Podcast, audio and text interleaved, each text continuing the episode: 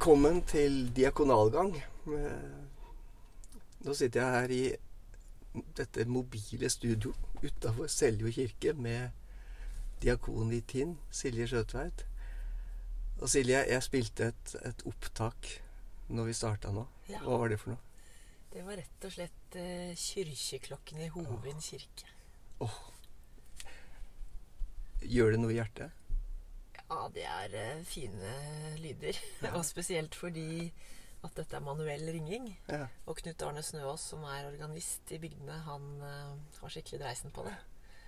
Og er veldig stolt av kirka og gjorde, gjorde det for oss på tur. Og disse kirkeklokkene som på en måte kaller oss inn til et eller annet. Hva er det, hva er det disse kirkeklokkene i hele tatt formidler, Silje? Tror du at, hva er det som ligger i det? Det er et godt spørsmål. Jeg har på en måte tenkt uh, at vi som diakoner også er sånne som kaller inn. eh, innpiskere til kirken. Ja. Uh, men kirkeklokkene, ja, de har kanskje en litt annen funksjon i dag enn de hadde. Da de helt fysisk skulle minne folk på at nå er det kirketid. Men som diakoner så tenker jeg også at det er det vi holder på med. Skal prøve å legge til rette for noen arenaer som gjør at folk kjenner seg hjemme i kirka. da. Mm. Får lyst Jeg tenker jo at det er et mål å få flest mulig med eh, til gudstjeneste. Ja. Men når det er sagt, så er det ikke det mislykket hvis ikke jeg får til det. Verdien ligger jo i, i møtet med den enkelte, virkelig. Men det ligger der bak som et sånt ønske om å få alle med, da. De som har fulgt denne diakonalgangen, diakonalgang, denne podkastserien, de har jo hørt at jeg har nevnt Røldal mange ganger. Ja. Og det er jo når kirkeklokkene ringer oss inn til Røldal etter en pilegrimsvandring over Haukelifjell, så har jeg alltid tenkt at de der klokkene sier, eh, ringer meg på en måte hjem. Og det kommer heim. Altså det er noe sånn, Mm. sånn ja, det at det er en sånn bilde på, på å komme hjem. Og Silje, jeg veit jo at du har vært opptatt av dette med pilegrim i Tinn nå. Mm. Hva, hva har det ført til? Ja, det er jo inspirert av deg, Eilev. Fordi du drev med disse her pilegrimsvandringene. Og så ble jeg litt sånn Jeg vil òg ha pilegrimsvandring. Det er så så fint. Jeg fikk jo være med deg og gå til Røldal med de andre diakonene. Og så var det en sommer 2015 som vi skulle til Italia med familien min. Og da skulle vi gå og skinke terre mellom disse landsbyene. Så gikk jeg en tur opp i åsen bak der hvor jeg bor med mannen min en kveld. Så utover Tinnsjøen, og så bare slo det meg hvorfor i all verden kommer ikke alle turister i verden hit og går fra bygd til bygd? Dette er jo så vakkert. Og så sier mannen min du jobber jo i kirka, du må være opptatt av kirkene i hver bygd. Så begynte jeg å tenke så bare, ja, alle bygdene har hver sin hvite trekirke. De ligger som perler på en snor rundt Tinnsjøen. Idet jeg liksom, vi snakket om dette, så kjente jeg det med å vokse og ble stor inni meg. Så tenkte jeg at dette er huge. Det er klart vi skal ha pilegrimsvandring mellom de hvite kirkene rundt Tynsjøen Og så, lang historie kort, så fikk jeg med meg frivillige og sogneprest Kristin Fehn og flere som ville være med på dette. Så tok vi en etappe en i året. Skikkelig grundig involverte historielaget, Vi sitter i Ukan, Turistforeningen, Bygdemellomprosjekt, fikk penger til skilting, kontaktet alle grunneiere. Og visste ikke når vi begynte om det gikk an å gå rundt Tinnsjøen. gikk i tro. Ja. Tenkte på et eller annet vis. Jeg kikka på et Google Map, så må det være mulig å gå rundt. Og nå, i dag, i 2021, så er det Nå henvender det stadig vekk folk til meg som vil gå rundt eh, Tinnsjøen, vil låne nøkler for å komme inn i kirkene. Vi fikk ut en guidebok med tid, bønner og veibeskrivelse og bilder fra de arrangerte vandrene, vandringene nå i 2019. Altså, det har vært et eventyr, det vil jeg si. Og veldig moro. Og spesielt Ingrid Wien, som jeg har hatt med meg siden det andre året. Hun, en tysk innflytter til Norge som hadde gått til Spania, Santiago de Compostela, og elsket pilegrim. Og kommer til Tinn og bare ser en annonse i avisa at det er noe pilegrimsgreier her. Og har vært, så hun var og skrev boka sammen med meg. Hun er den som går og rydder stier. Sammen så ordner vi skilting, eller hun går og skilter, men vi samarbeider veldig godt.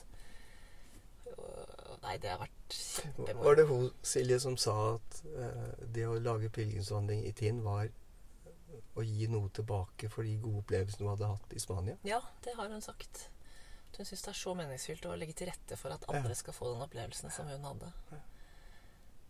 Eh, Og nå var det, og nå, jeg har jo visst om mange av de som har kommet fordi de har tatt kontakt med meg. Vi har Mhm. hjulpet dem, Men akkurat nå forrige uke så kjørte jeg forbi og så det gikk tre damer langs veien Ja. som jeg ikke har vært i kontakt med.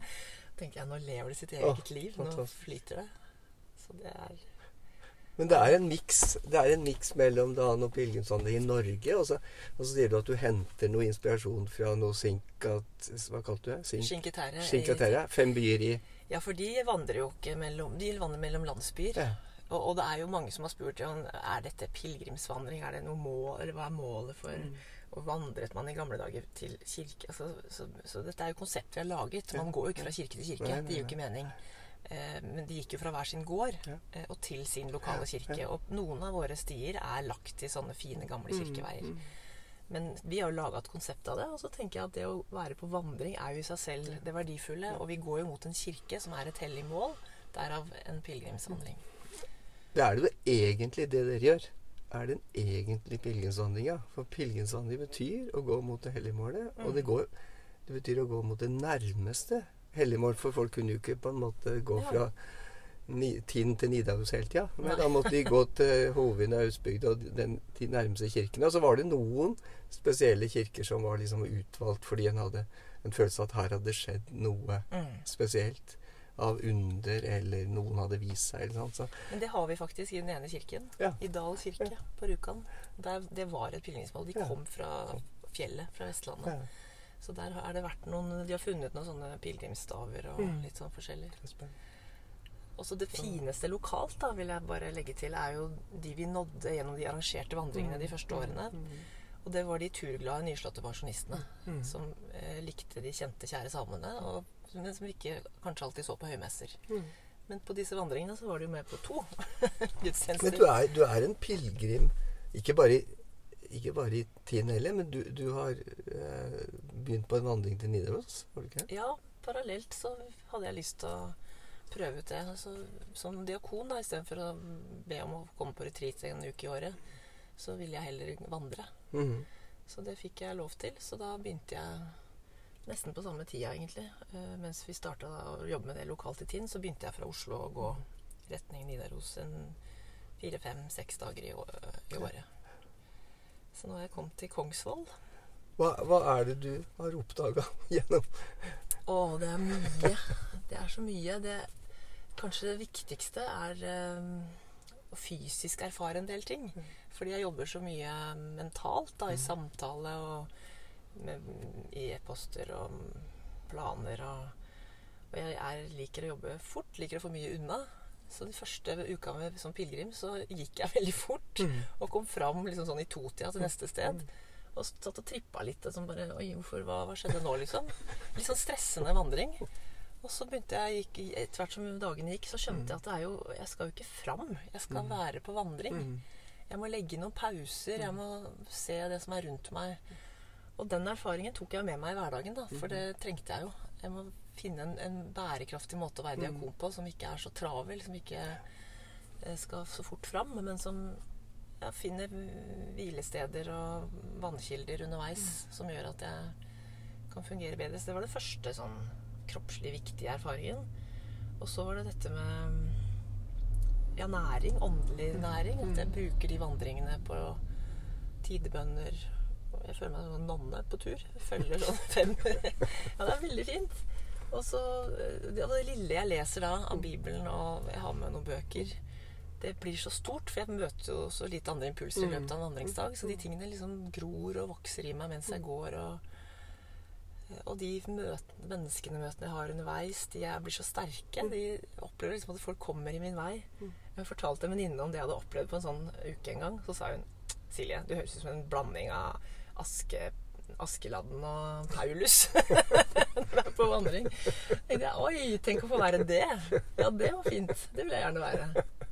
ikke det litt diakonalt? Ja, jo, og, og på en måte altså Hele vår tidsregning holdt på å si, og trua starter jo egentlig med at Paulus reiser rundt. Ja, nemlig. Den første pilegrim. Eh, Første pilegrim. Og han gjorde det, ikke sant. Og han sto jo i mange ting, og det var kranglinger underveis, og det var skibrudd, og det var alt mulig. Mm.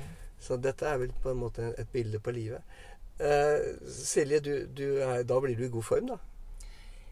Ja, det vet jeg ikke. Men det, det som er veldig fint òg, er det der å måtte ha så lite med seg. Jeg blir veldig gniten på hva jeg putter i sekken min. Og, og, og det å kjenne på sult, det å kjenne på slitenhet Jeg liksom kommer i kontakt med kroppen min på en måte som jeg, jeg trenger, da. Og det tenker jeg Altså, du blir så gniten at du tar ut så mye Tar bare den tannkremtuben litt igjen på, liksom. Og det er litt sånn i livet. Hvor mye bagasje skal man drasse på? Hva, skrelle vekk det unødvendige. Komme til kjernen. Hva er viktigst? Nei, jeg kan håpe en evighet å snakke om metafor, pilegrim som metafor på livet. ja, det er en veldig god... Ja, det er vidunderlig. Silje, hvis jeg sier 1630 1632-6, så, så kommer ikke du til å forbinde noe med det. Nei, det gjør jeg faktisk ikke. Men det var, var Hjallis Hjalmar Andersen sin skøyterekord, 10 000 meter-rekord, på Hamar Ah. rett før OL i 52. Som var en uslåelig rekord, regna han med. Han sto i mange år. Hm. Skøyteløp er for gamlinger, på en måte. Men, men hvis jeg sier eh, 2.06,58, hva, hva sier du da? La Da sier jeg at det er min lille bragd for en uke siden. Ja, hva skjedde? Nei, jeg må si, begynne et annet, et annet sted. Ja. For jeg var- på min eh, vanlige joggetur i fjor, i august. Mhm. Og den joggeturen er sånn ca. 20 minutter. Og den tar jeg sånn tredje hver dag. For jeg tenker at jeg skal holde kaloriene i sjakk. Ganske kjipt motivasjon for eh, løping. Men det er altså løpetur. Og mannen min kaller det bare oppvarming. Han sier det kvalifiserer ikke til trening. Men på en av disse løpeturene i fjor så bare Så fikk jeg noe som lyn fra klar himmel. En tanke som har plantet seg i meg. Som sa Det er klart du, Silje Skjøtveit, skal løpe maraton i New York. Det er jo ikke noe tvil om det. Det er det du skal. Snakker vi Den hellige ånd her, Silje? Ja, det vet jeg jammen ikke hvor det kom fra, men det ble veldig tydelig for meg. Og jeg tok en beslutning, og det, verdien av å bestemme seg for noe, den er undervurdert. Så da skjedde det noe veldig inni meg, og jeg kastet meg over bøker og maraton og begynte å løpe litt lenger, litt lenger, litt lenger for hver tur. Løp sammen med en venninne som har løpt masse maraton i hele Europa, og fikk en god personlig trener.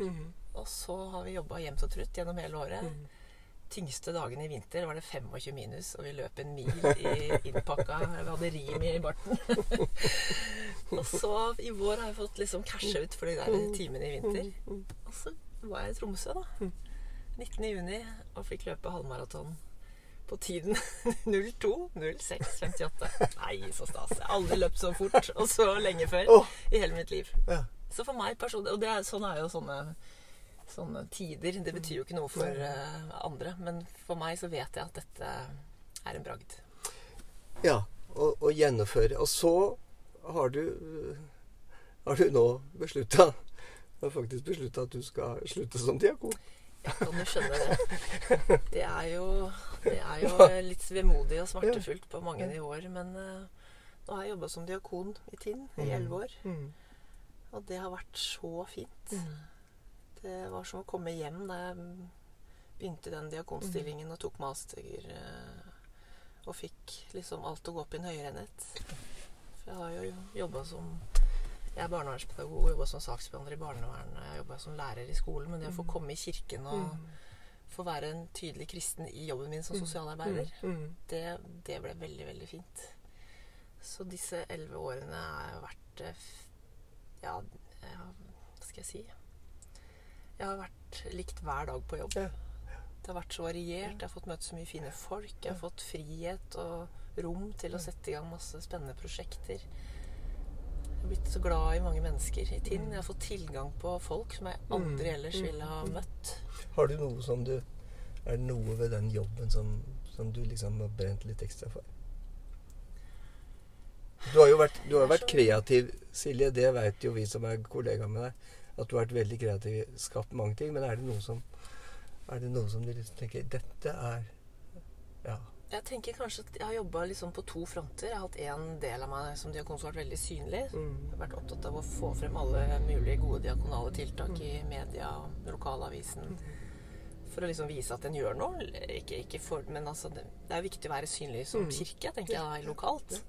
Og så har jeg hatt en sånn mer sånn stillearbeidende side hvor jeg har hatt jobbet mye for å vinne tillit internt i kommunen med, ja, med sykehjemmene, med frivillighetssentral, med psykiatri. Altså at de skal bli kjent med meg og diakoni og hva det er, og hva jeg kan brukes til.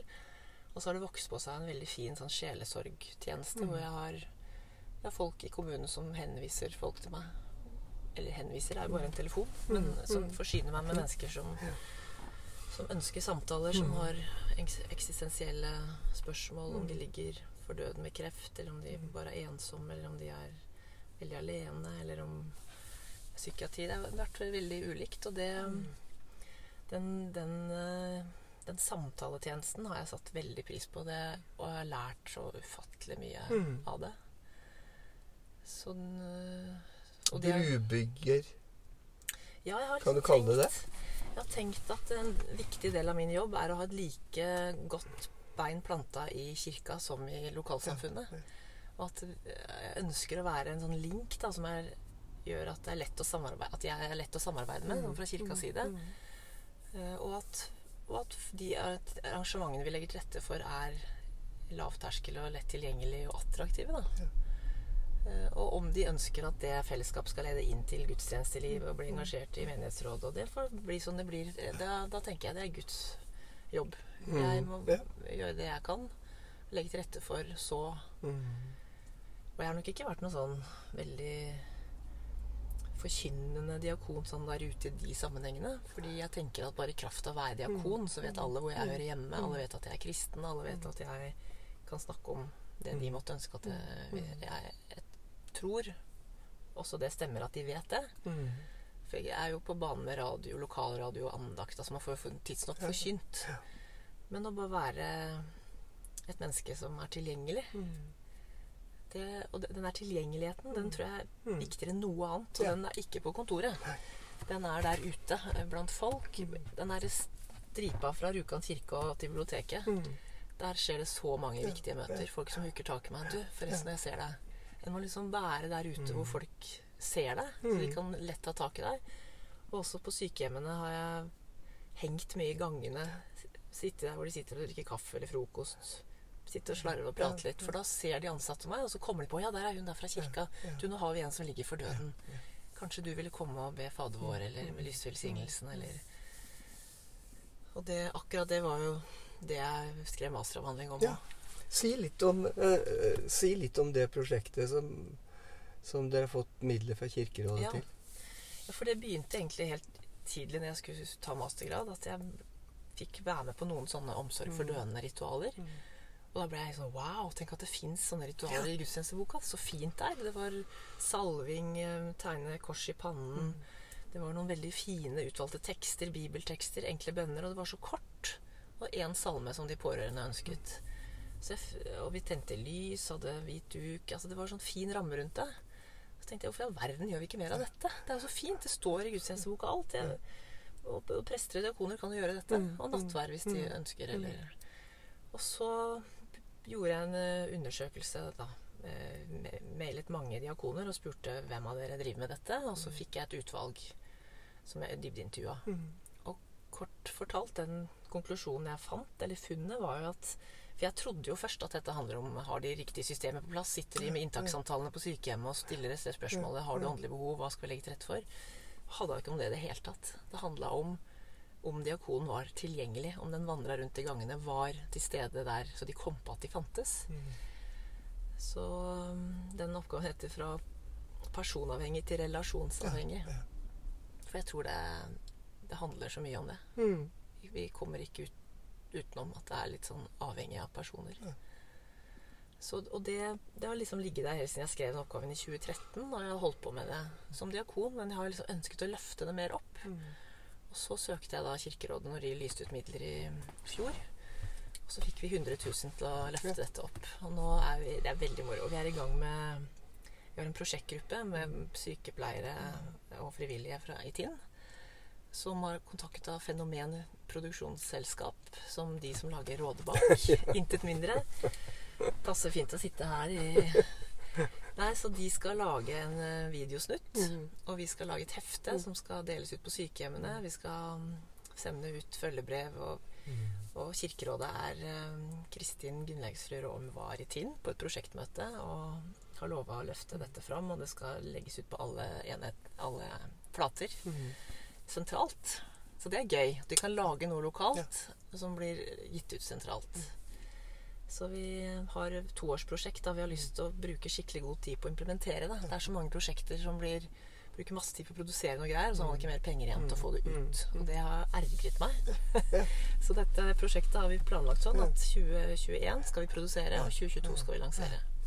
Så skal håper vi at vi skal nå ut, eh, og at folk skal se den filmen og kjenne åh, det der var fint, det vil jeg ha når jeg ligger for døden. Eller det vil jeg gi mamma og pappa når de ligger for døden.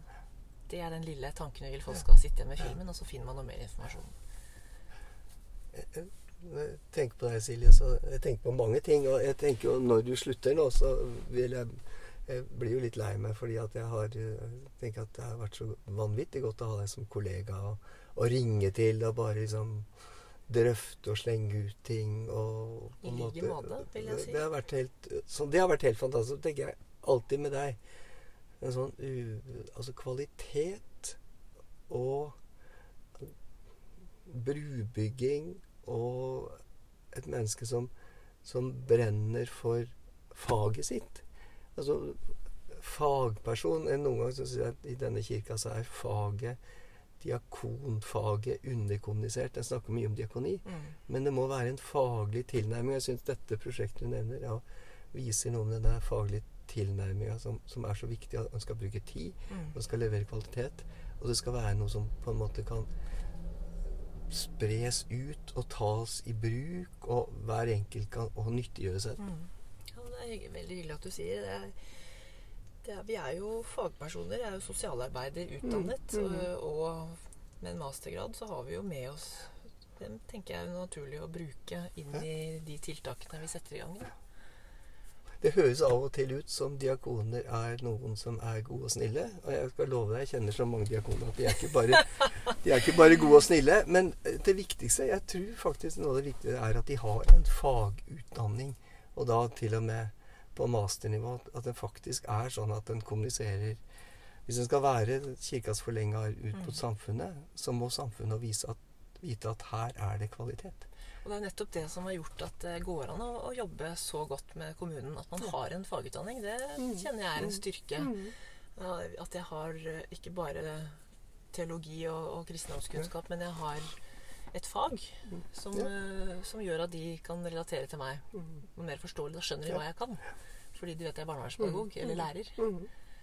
Og så får det andre være bonus for de, da. Nemlig. Det får være bonus. Og da, når de får deg inn på kontoret, så kan de få mange gode ideer. Og fordi ideer Silje, jeg vet ikke hvor du henter de fra, men, men du, altså, du, har, du, har, holdt på med barnekor? Ja, jeg starta Soul Children. Soul Children. Jeg, mm som er på en måte et ypperlig sånn diakonalt tiltak.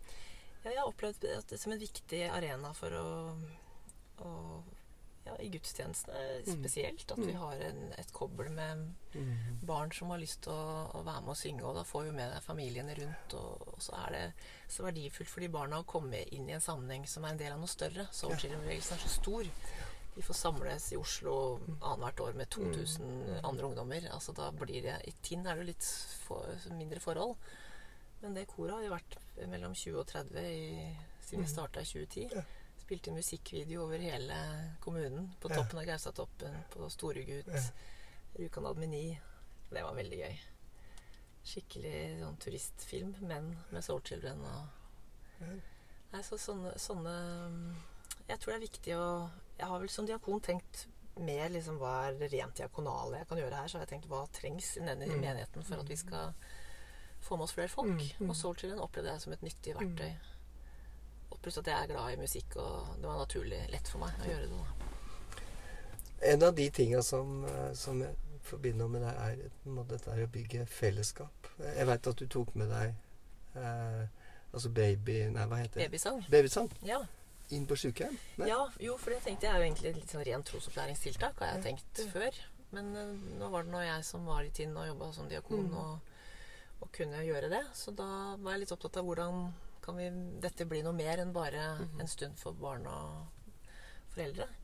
Og da hadde jeg fått en idé fra eh, noe som heter generasjonssang. Det er altså knytte generasjonene sammen. Så tok vi med oss babysanggjengen inn på sykehjemmet. Ja. Og så satt vi på gulvet der med de eldre rundt. Og vi da løfter babyene opp. Eh, og de kommer omtrent i fanget på den gamle som sitter bak. Nei, det er nydelig. Det samspillet som oppstår, og det den praten de fem minuttene etterpå før vi går og spiser lunsj med de eldre, og de får hilse på babyen. Og Du vet, Silje, jeg har blitt bestefar. Sånn nå, Og det vet jeg. Nå forstår, ja, du vet, nå forstår jeg jo dette her. Hvor fint det er. Jeg er jo ikke, og jeg er jo ikke så veldig Forhåpentligvis ikke så dement ennå, men, men, men jeg, jeg tar det inn. Jeg kan liksom nesten se hvordan dette kommuniserer. Og du er kreativ og du bygger fellesskap, og du har altså fellesskap eh, Diakoni og kafé. Kan du si noe om diakoni og kafé? Ja, det var også en uh, inspirert Altså, jeg blir ofte Jeg er jo alltid noe jeg henter fra andre steder. Ja. Jeg sitter jo ikke og gulper opp alt sjøl i tiden. Men når man er ute og reiser og ser litt ting, så så jeg en veldig fin eh, et, et fint konsept i Å- Ålesund. En pinsemenighet som hadde en uh, gudstjenesteform som var helt annerledes. De satt og hadde sofasamtaler på scenen, og de hadde en kaffebar som var utrolig god kaffe. Og hver kaffekopp hadde åndens frukter på, gravert inn sånn glede, fred. Og alle nye som kom på gudstjeneste, fikk en gratis kopp cappuccino eller hva de måtte ønske seg. Jeg bare likte så godt den atmosfæren. Jeg hadde kafébord i tillegg til sånne vanlige sittestoler. Så tenkte jeg, kan vi få til noe sånt i Tinn? Så kom jeg til å tenke på baptistkirka, Rjukan Ja, baptistkirke, som er så vakker. Ja. Den har en veldig spesiell arkitektur. Den er Eh, rosa. Ja, den er sånn fersken med murbygg.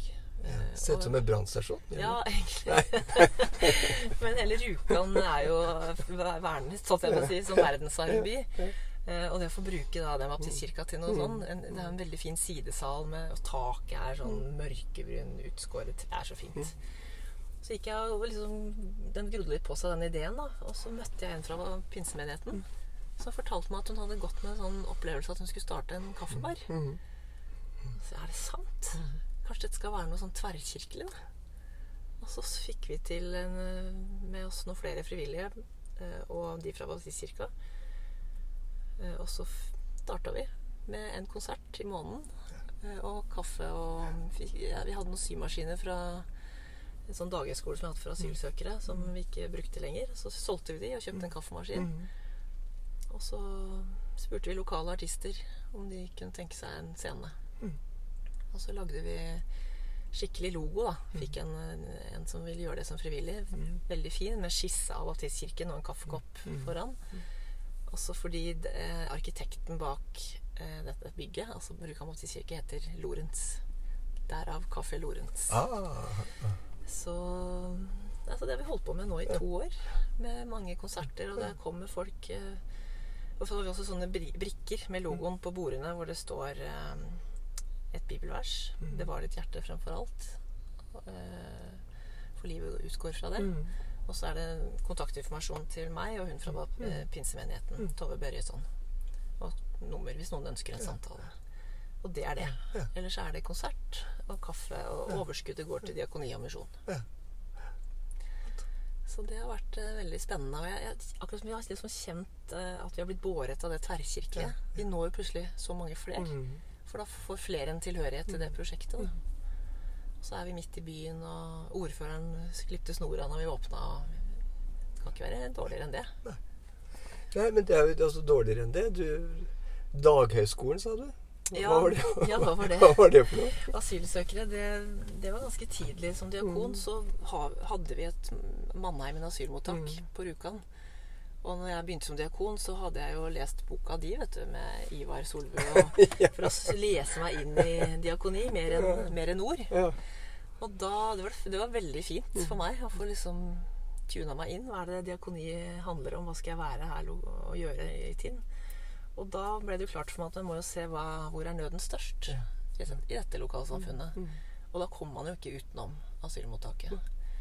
Eh, Og han som hadde vært diakon før meg, og jeg delte stillingen med i starten, han hadde allerede et samarbeid med Erik Bugge, som Mm. dessverre er død nå. Men han eh, hadde et veldig starta et fint samarbeid. Og da ville vi så gjerne gi et dagtilbud til de For jeg ble jo kjent med noen familier og, og spurte hva, hva er dere savner, hva kan vi bidra med som kirke? jo at det er noe på dagene. Så Vi kan lære hvordan vi skal fungere i dette samfunnet. For det skjer jo ingenting. Vi har ikke noe dagtilbud. Vi bare venter og venter og venter. og venter. Og da tenkte jeg at da må jeg begynne i riktig ende, så ikke jeg lager et tilbud som ingen vil ha.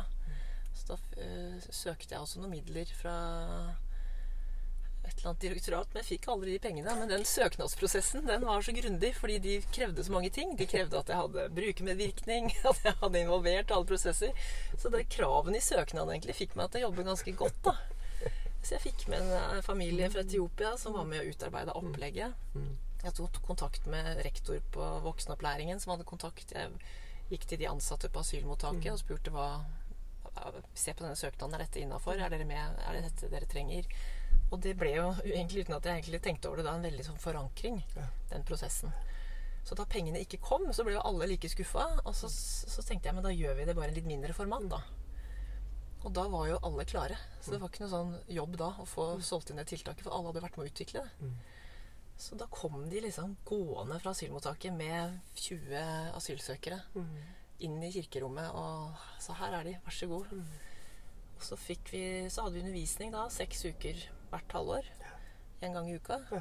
eh, Med ulike temaer som de selv hadde sagt de var interessert i. Det handla om ja, å lære seg IKT, påkledning eh, norske, Den norske historien, liksom. Ja. Det er ikke lenge siden vi levde på en helt annen måte. Og det tror jo ikke de nesten er sant når vi forteller. Og alle de som reiste til USA, Mm. flyktninger fra Norge. Ja. For- Ja, hvorfor reiser Jo, for å få et bedre liv. Så det har vært øh, Fra fattigdom og nød. Ja, Og veldig mange fra Tinn. Ja, det òg. Eller hele ja. Så det har vært så kjempespennende å få bli kjent med alle disse fra hele verden. Og så hadde vi alltid god mat. Ja. Vi jeg bytta på hvem som skulle lage mat fra ulike land. Hadde god tid til lunsj. Jeg hadde også en eh, kamerat som driver med keramikk, Anne Laustad, som lærte meg hvordan jeg kunne gjøre noe sånne ja, Lære bort å, å forme leire med hendene og skape noe. Så det hadde vi i starten. Og det var ganske sterke ting de formet. For dette er mennesker som har vært gjennom mye. En, en type bearbeiding, Ja, kan jo kanskje. håpe og tro at det kunne bety noe. Og det å sitte og Og når språk ikke bærer, så kan man gjøre noe. Mm. Og det var så viktig at den undervisningen som jeg skulle ha da, var god, syns jeg, da. Siden det var så lite de fikk tid sammen, og at den var engasjerende. For vi, når man sitter egentlig og er traumatisert eller er veldig bekymra, så er det vanskelig å fokusere på undervisning. Så jeg kunne ikke stå sånn og bare holde forelesning. Men jeg mm, brukte mye sånn aktivitet. Reiste oss opp, kasta ball, gjorde øvelser. Skala fra null til ti. Hvor vil du plassere deg? Hvorfor står du der, ikke der? Altså Jeg hadde med meg fra lærergjerningen en del metode, da.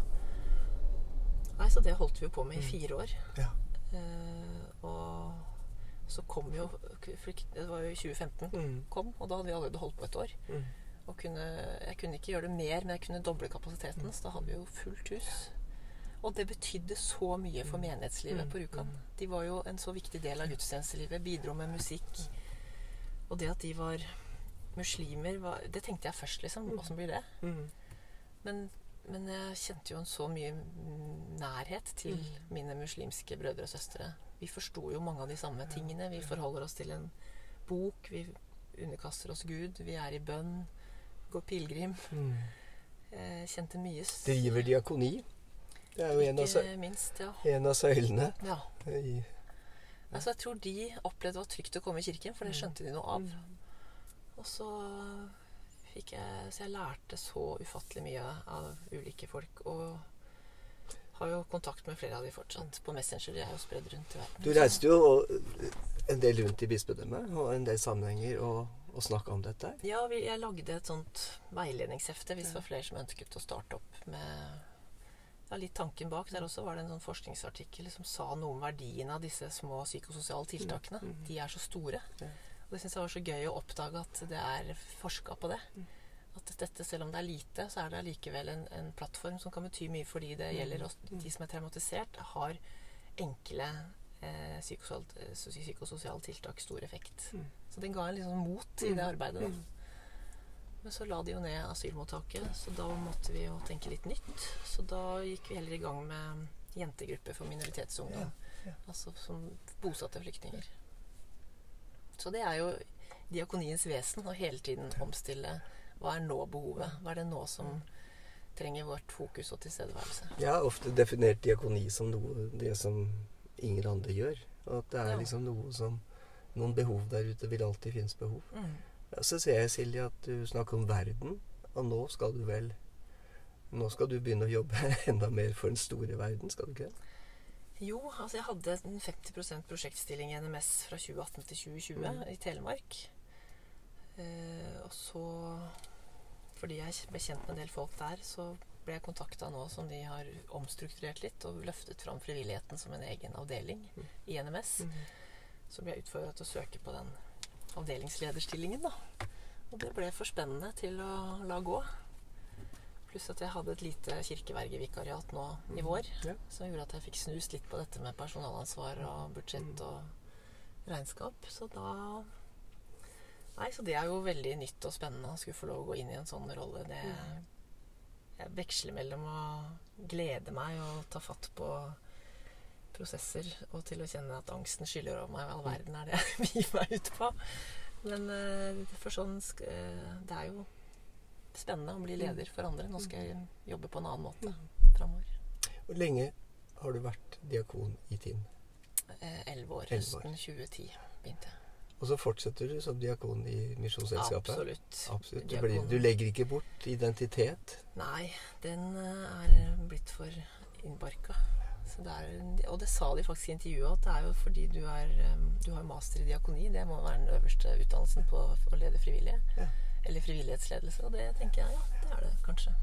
Det tror jeg gjør godt for mange diakoner å høre. Som på en måte Og noen ganger tenker jeg Men hva er det jeg har å bidra med? Jeg tror, Silje, du viser oss at frimodighet i diakonien og diakonstillinga er ganske viktig. Og det å ha et litt sånn brennende engasjement for folk, da. Mm. Ja, så tenker jeg eh, det er, eh, det er jo for en sak, liksom. Altså, Mm. Det er jo for, for de tingene vi ønsker at skal synliggjøres. Det er eh, Man må ikke være beskjedne på vegne av hva vi får til i kirka. Og så får vi ikke til alt, men det vi lykkes med Kanskje skal vi jo vise det vi ikke lykkes med, selvfølgelig. Men eh, det er noe med å fremme det vi holder på med. Ellers er det ingen som vet. Og hvis vi når ut til folk, hvis vi tror vi har verdens viktigste budskap, så må vi bruke alle kanaler og alle mekanismer vi kan for å nå ut om eh, for, for diakoni er jo uttrykk for Jesu kjærlighet. Liksom. Guds blikk. Det det. Da er vi nesten tilbake til kirkeklokken i Hovin. Ja. Fordi at de kaller, og de kaller. Og de kan kalle folk veldig, veldig lenge. Og det er ikke sikkert alle folk kommer sånn umiddelbart. Men jeg tror jo at mennesker ved å møte noe godt, ved å møte en diakoni, så, så tror jeg det åpner vei for mange ting. Og Mm. Silje, jeg er ikke i tvil om at du har åpna vei inn i veldig mange, veldig mange områder, veldig mange hjerter, veldig mange folk. En av de tinga da, Silje, som, som du og jeg har vært sammen om òg, er jo at vi er begge sånne kirkelige arbeidsveiledere og syns at det ja. hører med til det å være diakon. Og der tenker jeg du har å bidra til å utruste flere folk i kirka til å bli gode på sitt felt. Og det, og det var jo naturlig for meg som barnevernspedagog, så hadde vi jo alle veiledning. Altså, det var ikke snakk om å ikke ha en være i veiledning når vi jobber med folk. Så det kom på plass ganske tidlig for meg som diakon at jeg ønsket inn i en veiledningsgruppe. Og det å ha et sånt fora hvor man får dele case, Mm. eh, ting man står i, det, det, det handler om å være forsvarlig fagperson. At man må ha eh, og Det tenkte jeg også da jeg ble utfordra på å bli gruppeleder, at eh, da må jeg ha noe veiledning på det igjen. Og da har vi en veldig fin veiledning på veiledningsgruppe. Så alt skal alltid være et nivå over. Ingen må stå på topp. Man må alle ha noen å gjøre, liksom, gjøre, stå til regnskap for, tenker jeg. Mm. Være transparent og åpen og ærlig på hva man får til og ikke får til. Og få veiledning. Ok, men åssen kan jeg gjøre det bedre neste gang, da? Faglighet og Ja, kvalitet. Mm. Transparent, det betyr gjennomsiktig, gjør det? Ja, at en ikke liksom holder på å styre fra sjøl og ha Ja. samtale med masse folk og bærer på tusen historier Ja. som du Mm. kanskje Altså får blikk utenfra på det du gjør, eh, sånn at man kan utvikle seg som fagperson Mm. og medmenneske.